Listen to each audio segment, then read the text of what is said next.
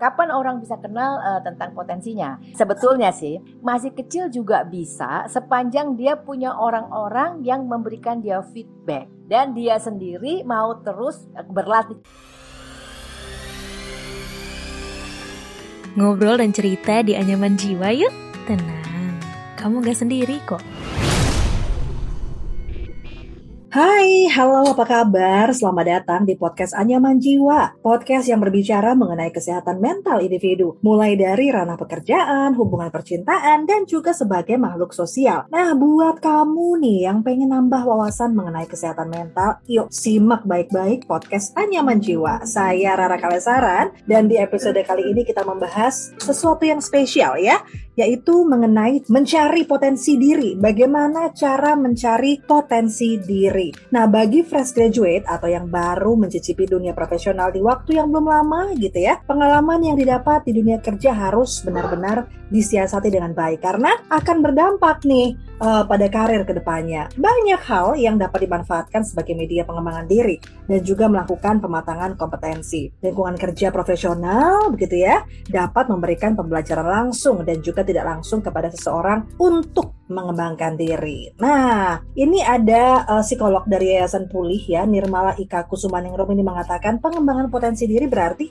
kita mengembangkan kemampuan yang dimiliki dengan baik sehingga dapat uh, memberikan manfaat bagi kita sendiri dan juga orang-orang di sekitar kita. Nah, potensi diri ini bisa termasuk kapasitas intelijensi, bisa termasuk sikap atau juga kepribadian. Namun bagaimana caranya mencari tahu dan juga mengembangkan potensi diri kita sendiri? Yuk kita langsung ngobrolin perihal potensi diri ini bersama dengan Ibu Astrid Regina Sapii, psikolog klinis dan CEO dari Dear Astrid. Hai Ibu Astrid. Halo, halo Mbak Rara. Makasih waktunya berbincang lagi nih bersama podcast Anyaman Jiwa Bu Astrid. Ya, Oke, okay, iya. saya sudah dengarkan kita hari ini bicara tentang mengembangkan potensi ya Mbak Rara. Betul sekali, mengenal potensi diri. Sebenarnya potensi diri itu apa Bu Astrid? Potensi adalah sesuatu yang ada dalam diri kita yang kalau kita kembangkan itu akan menjadi sebuah capaian atau prestasi yang bisa mungkin mengubah jalan hidup kita atau membuat mm -hmm. kita nyaman paling sedikit kalau enggak mungkin bisa jadi kaya gitu kan mungkin terkenal ya. gitu kan ya jadi sesuatu yang ada di dalam diri kita yang siap untuk dikembangkan gitu dan bentuknya macam-macam sebetulnya kan mbak mbak Rara gitu. betul berarti sebenarnya kita tuh perlu bu untuk mengetahui atau mengenali potensi diri kita itu apa setiap ya. orang itu perlu eh, sebetulnya gini ada ada teori yang mengatakan kalau orang itu berkembang sesuai dengan potensinya maka dia akan berbahagia gitu ya dan kebahagiaan kan adalah salah satu tujuan hidup kan Mbak Rara ya. Orang ya. kalau mencapai sesuatu kebahagiaan maka dia kan udah enak hidupnya kasarnya gitu ya. Nah, hmm. itu di satu sisi. Tapi di sisi lain ada ada orang yang bilang nggak nggak usah tahu gitu kamu akan jalan saja pada apa yang pada saat ini ada di depanmu kamu kerjakan nanti sambil jalan kalau kamu tekun gitu ya kalau kamu bertahan di situ kamu mengembangkan diri pada akhirnya kamu akan menemukan gitu apakah itu adalah memang panggilan gitu ya atau bukan. Kalau misalnya bukan, kamu akan bisa pindah ke tempat lain yang mungkin lebih kamu sukai. Jadi ada dua pendapat. Ada yang bilang memang lebih baik menemukan, jadi ya orang akan bahagia. Tapi ada yang bilang nggak harus, gitu kan? Yang penting ada energi untuk mengerjakan sesuatu. Nanti kamu temukan sendiri dalam perjalanan gitu. Atau kalau tidak kamu temukan, kamu bisa pindah hmm. untuk mencarinya gitu loh. Jadi mau yang mana gitu kan ya? Nah ini yang klasik berpendapat makin baik kita menemukan, makin tahu kita potensi diri kita kita apa, makin mudah bagi kita untuk menentukan perjalanan hidup kita ke depan ya hmm. apakah itu karir ya atau pekerjaan atau atau apa saja yang berkaitan sama membuat hidup yang lebih bermakna. Kan gitu Mbak Rara. Pendapat lama begitu. Tapi kalau pendapat yang baru sepanjang kamu punya sesuatu yang mau kamu kerjakan kamu kerjakan baik-baik kamu berusaha untuk menyerahkan seluruh diri kamu di situ pada satu titik kamu akan merasakan apakah itu memang panggilan kamu atau bukan. Dan kamu masih bisa pindah untuk cari panggilan yang benar gitu katanya pendapat yang hmm. kedua seperti itu. Jadi bagaimana kita mau melihatnya nih Mbak Rara gitu. Oke okay, oke. Okay. Ya. Soalnya nih Bu, jadi kalau kita sedang interview, mm -hmm. uh, kalau kita sedang interview gitu ya dalam pekerjaan, kita hmm. suka ditanya apa sih kelebihan kamu, apa potensi yang kamu punya, begitu kan? Kita juga bingung gitu, apakah harus sebanyak itu kita sebut? Mungkin satu kita cuma bisa pintar melukis, menggambar. Lalu sepertinya ketika di interview tuh terintimidasi untuk menyebutkan banyak kelebihan-kelebihan. sebetulnya, sebetulnya enggak kan kalau kan saya orang yang suka melakukan interview juga ya. Sebenarnya hmm. tujuannya kenapa sih kita menanyakan hal itu? Jadi kalau uh, konsepnya adalah kalau seseorang itu bisa mengenal dirinya dengan baik, maka dia akan lebih mudah kerjasama sama orang lain. Karena hmm. idenya adalah kalau orang sudah kenal dirinya, maka itu udah beres dia dengan dirinya, nggak punya masalah lagi dia sama hmm. dirinya gitu loh Mbak Rara. Hmm. Tapi kalau orang misalnya ditanya, kamu apa yang kamu tahu tentang dirimu, kelebihan kamu apa gitu ya, kekurangan kamu apa dan dia nggak bisa jawab, kita bisa bisa anggap orang ini belum selesai sama dirinya, dia masih cari-cari kan gitu ya, sehingga sulit dong kalau di orang yang masih cari-cari buat diajak kerjasama sama orang lain, hmm. gitu kan. Jadi sebetulnya bukan harus 10 atau 5. Kalau orang misalnya bilang hal seperti ini aja, saya ini orang yang susah panas gitu ya. Jadi kalau di kalau saya diharapkan untuk punya inisiatif sendiri, bekerja hmm. tanpa diarahkan atau nggak dikasih tantangan, saya biasanya nggak ini, nggak kelihatan kemampuannya. Misalnya bilang gitu ya, saya ini orang yang harus dipepet. Kalau saya dipepet, dikasih tugas banyak, diperhatikan, terus di apa dikontrol gitu ya, dikejar-kejar, hmm. saya biasanya lebih bisa bekerja. Misalnya gitu mbak itu kan mengatakan bahwa saya orangnya bisa diajak kerja sama tapi saya butuh treatment tertentu misalnya gitu ya itu sebenarnya cukup gitu kan oh, oke okay. uh, jadi jadi tidak selalu potensi itu harus berbentuk sesuatu yang sudah jadi tetapi bisa sesuatu yang orang kenal tentang dirinya dan bisa dibangun untuk menjadi sesuatu kelak gitu. Oke, kita masih berbicara mengenai potensi diri nih Bu Astrid. Hmm, hmm. Uh, pada usia berapa biasanya orang itu memahami potensi dirinya apa begitu ya? Betul. Saya waktu itu SMA mulai menyadari bahwa saya mempunyai potensi untuk public speaking misalnya ya berbicara hmm. sebagai penyiar radio begitu. Hmm. Tapi ada juga mungkin yang sampai dengan kuliah masih nggak tahu gitu hmm. apa ya sebenarnya potensi diriku selain aku belajar belajar aku ya cuma sekolah aja selama ini gitu tapi nggak punya potensi diri yang menonjol terus seseorang nggak bisa menemukan potensi dirinya itu kenapa Oke bisa. Mbak Rara ini saya mungkin mesti mundur ke sebelum saya jawab usia ya.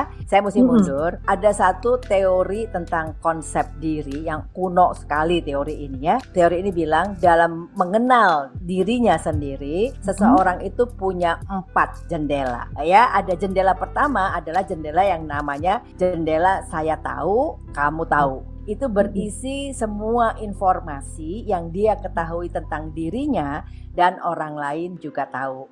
Nah, ya. jendela kedua itu yang informasi yang saya tahu, kamu tidak tahu.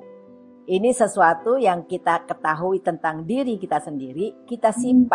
Dari persepsi orang lain, pengetahuan orang lain. Di tempat kita naruh rahasia-rahasia pribadi dan semua hal yang yang kita anggap sebagai privacy. Lalu ada ya. jendela ketiga justru kebalikannya. Saya tidak tahu, kamu yang tahu. Nah, ini adalah bagian dari diri kita yang justru dilihat oleh orang lain dan kita hmm. tidak menyadarinya. Gitu, Mbak Rara. Lalu ada jendela keempat, jendela terakhir. Ini adalah jendela yang saya maupun kamu tidak tahu ini adalah berisi berbagai potensi yang belum berkembang yang kita sendiri nggak tahu apalagi orang lain. Nah kenapa saya mesti angkat teori ini? Karena menurut teori ini seseorang itu kalau mengenal dirinya sendiri hmm. selain dia mesti introspeksi kan tadi ada yang saya tahu kamu tidak tahu ya Mbak Rara dia mesti introspeksi apakah sesuatu itu boleh dia kasih tahu sama orang lain demi kebaikan bersama misalnya gitu ya selain dia hmm. harus introspeksi dia juga mesti terima feedback dari orang lain nah, ya. karena ada hal yang dia apa yang dia tidak tahu orang lain tahu nah kalau kita lihat dari teori ini Mbak Rara, maka kalau orang ingin kenal dirinya sendiri, orang ini mesti punya orang-orang yang bisa ngasih feedback yang benar sama dia. Nah, hmm. dari sini pertanyaan Mbak Rara, kapan orang bisa kenal uh, tentang potensinya? Sebetulnya sih, masih kecil juga bisa sepanjang dia punya orang-orang yang memberikan dia feedback dan dia sendiri mau terus eh, berlatih. Nggak ada umur tertentu di mana orang itu akan menyadari uh, potensi dirinya. Tergantung apa yang dia lakukan dalam hidupnya dan kepedulian orang-orang di sekitarnya. Mhm. Ketika seseorang sampai dengan lulus kuliah mungkin, Nah. mungkinkah mereka masih juga nggak bisa menemukan potensi diri? Banyak Mbak Rara, karena yang pertama kebanyakan ada tidak ada orang yang memberikan dia feedback. Biasanya dia bilang gini, aku dari mulai kelas 1 SD sampai sekarang semuanya rata-rata. Ini enggak ini enggak enggak oke, itu enggak bisa. Ya nilaiku 6 aja di semua tempat gitu kan. Hmm. Aku cuma cuman nge- jalanin hidup ya oke sekolah terus, belajar terus, tapi semuanya nilainya di tengah aja rata-rata gitu. Dia tidak pernah melakukan introspeksi pada diri sendiri, misalnya apa yang dia minati, apa yang dia sukai, atau sesuatu yang bisa menggerakkan dia lebih daripada yang lain ya. Dia cuma jalanin hidup kayak apa istilahnya otomatis. Lalu orang sekitarnya pun tidak memberikan dia feedback apa-apa. Ya udah, otomatis sekolah aja nilainya juga rata-rata aja. Sehingga Ya. kemudian dia dia tidak punya persepsi apa pun tentang kelebihan atau kekurangan diri. Dia tidak pernah melakukan refleksi, Mbak Rara. Ya kayak ibaratnya kayak mengalir aja terus gitu dan nggak pernah nggak pernah me- menilai diri sendiri, nggak pernah juga tanya kiri kanan. Banyak orang Ah. kayak gitu, banyak sekali. Oke, itu juga mungkin faktor orang tua ya yang kurang memperhatikan juga mungkin ya buat. Betul, eh, betul. Orang tuanya, gurunya, temannya gitu kan, jalan aja hidupnya gitu kan, di tengah gitu, moderat di tengah-tengah. Mhm. Nah, Saya setuju ya. ketika seseorang tidak bisa menemukan potensi dirinya mungkin butuh bantuan dari orang tua, orang terdekatnya begitu ya untuk Hmm. membantu menggali begitu. Karena pada akhirnya potensi diri saya inilah yang justru bekerja dari potensi diri saya yang saya sadari sejak usia saya remaja. Oke baik, Eh, Bu Astrid, saya tuh lagi sering banget denger istilah negatif bias. Negatif bias itu, bias negatif itu biasanya gini Mbak Rara. Kita kaitkan sama sesuatu yang berada di luar kita ya Mbak Rara. Misalnya gini, kalau Mbak Rara sekolah di sekolah X, orang Mm-mm. akan mengatakan, alah semua orang yang sekolah di sekolah X nggak akan berhasil. Itu sekolah orang-orang yang nggak serius. Nah Mbak Rara lulusan dari sekolah itu. Mbak Rara nggak periksa diri Mbak Rara sendiri, tetapi citra negatif dari sekolah itu itu menjadi negatif bias buat Mbak Rara. Jadi itu itu uh, kayak Mbak Rara tempelin ke diri Mbak Rara sendiri gitu. Persepsi-persepsi negatif yang dikaitkan sama segala hal di sekitar kita dan kalau kita termasuk anggota salah satu itu, kita menganggap persepsi negatif itu sebagai bagian dari diri kita. Nah, bagaimana sekarang nih kita bertanya ke Bu Astrid kita sambungkan dengan uh, kita anggap pendengar kita nih memang pen- uh, pekerja begitu ya. Ah, ah. Di lingkungan kerja ini perlu juga loh selain kita mempunyai apa namanya uh, skill ya kerjaan kita juga perlu untuk mengembangkan potensi-potensi diri kita yang lain gitu. Bagaimana caranya nih Bu Astrid? Oke. Di lingkungan Nah, ke-. Oke Mbak, Mbak Rara, kalau kita mau kembali ke teori self concept tadi, maka Ya. sebetulnya yang kita perlu dapatkan feedback dari orang lain ya Mbak Rara. Nah, Mm-mm. feedback dari orang lain, selain kita akan introspeksi nanti tentu ya. Nah, feedback dari orang lain tuh nggak mungkin kita dapat kalau kita diam, bener nggak? Kita mesti beraktivitas. Jadi jawabannya adalah lakukan segala hal yang belum pernah kamu coba. Mana tahu. Misalnya katakan kebetulan Tuhan menganugerahi kita suara bagus karena keturunan ya. Terus kemudian tampang juga cakep gitu ya. Terus ada ada acara di kantor. Lalu bos bilang gini, kamu ya jadi MC-nya seumur hidup nggak pernah jadi MC Mbak Rara ya. Langsung kita Betul. bilang enggak, waduh aku nggak pernah jadi MC bos seumur hidup. Ya aku kasih kamu kesempatan, kamu tuh enak dilihat, suara kamu juga enak didengar gitu kan. Ya kamu coba aja dong, cuma di lingkungan kita aja ini kan semuanya kamu kenal tiap hari juga kamu ketemu. Ayo deh, bosnya malah bilang tak bikinkan skripnya, kamu tinggal baca gitu kan misalnya gitu ya.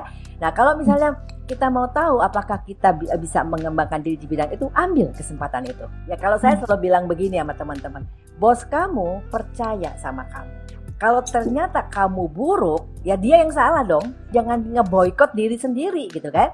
Kesempatan dibuka kok, ayo gitu kan. Ya silakan kamu lakukan. Itu itu misalnya sesuatu yang dibuka. Tapi bisa juga misalnya kita banyak waktu untuk eh, di kantor itu untuk diam di tempat gitu ya. Lalu kita Ya. buka-buka deh eh, apa namanya misalnya program, aplikasi. Eh lalu kita belajar sama teman-teman bidang-bidang yang bukan bidang kita gitu kan karena kita banyak waktu misalnya gitu kan. Katakan eh, pekerjaanku memungkinkan aku setengah hari misalnya selesai jam 12, udah gitu Ya. jam setelah makan siang aku nganggur. Nah, nyobain, cobain aja apa yang bisa dicobain dari kerjaan-kerjaan itu. Jadi artinya kembangin diri. Bahkan kalau perlu belajar bahasa Mandarin misalnya gitu kan Mbak Rara. Jadi artinya uh, tantang dirimu sendiri untuk melakukan sesuatu. Nanti orang sekitar akan teriak-teriak kalau itu memang oke okay, gitu ya. Ya udah bisa gitu kan. Ternyata oke, okay, bagus ya, bagus. Terusin, terusin hmm. bagus bisa lah. Kita kita dapat satu potensi baru. Jadi artinya hmm. kuncinya adalah jangan diam Nah kalau kita berani coba, resikonya cuma dua kok, nggak berhasil, gagal bukan bidang kita ya tinggal. Aku nggak bakat di situ kan misalnya ya. Tapi kalau ya. berhasil, kita dapat sesuatu, kita bisa berkembang di situ. Kita mungkin menemukan satu yang sebetulnya seumur hidup kita cari. Wow, menarik ya. Iya. Tapi ada di kantor ada sih orang yang memang uh, cenderung nggak mau nyoba segala sesuatu. Ada ya.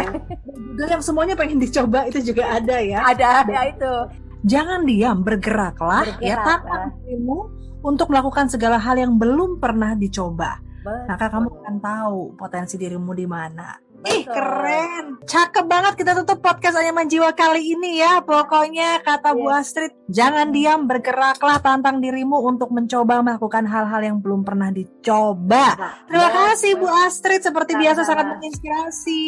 Oke, sama-sama. Oke, kita akan berbincang lagi di podcast Anyaman Jiwa yang akan datang. Jangan lupa ya untuk Anda nih yang punya cerita-cerita ya, mau berbagi tentang uh, kesehatan mental, boleh banget kirim ke podcast at kgmedia.id atau bisa DM Instagram at sonarafm92 atau juga medio by KG Media. Dengarkan podcast menarik lainnya dari Anyaman Jiwa di Spotify. Rara Kalisalan pamit, sampai jumpa di podcast selanjutnya. Bye!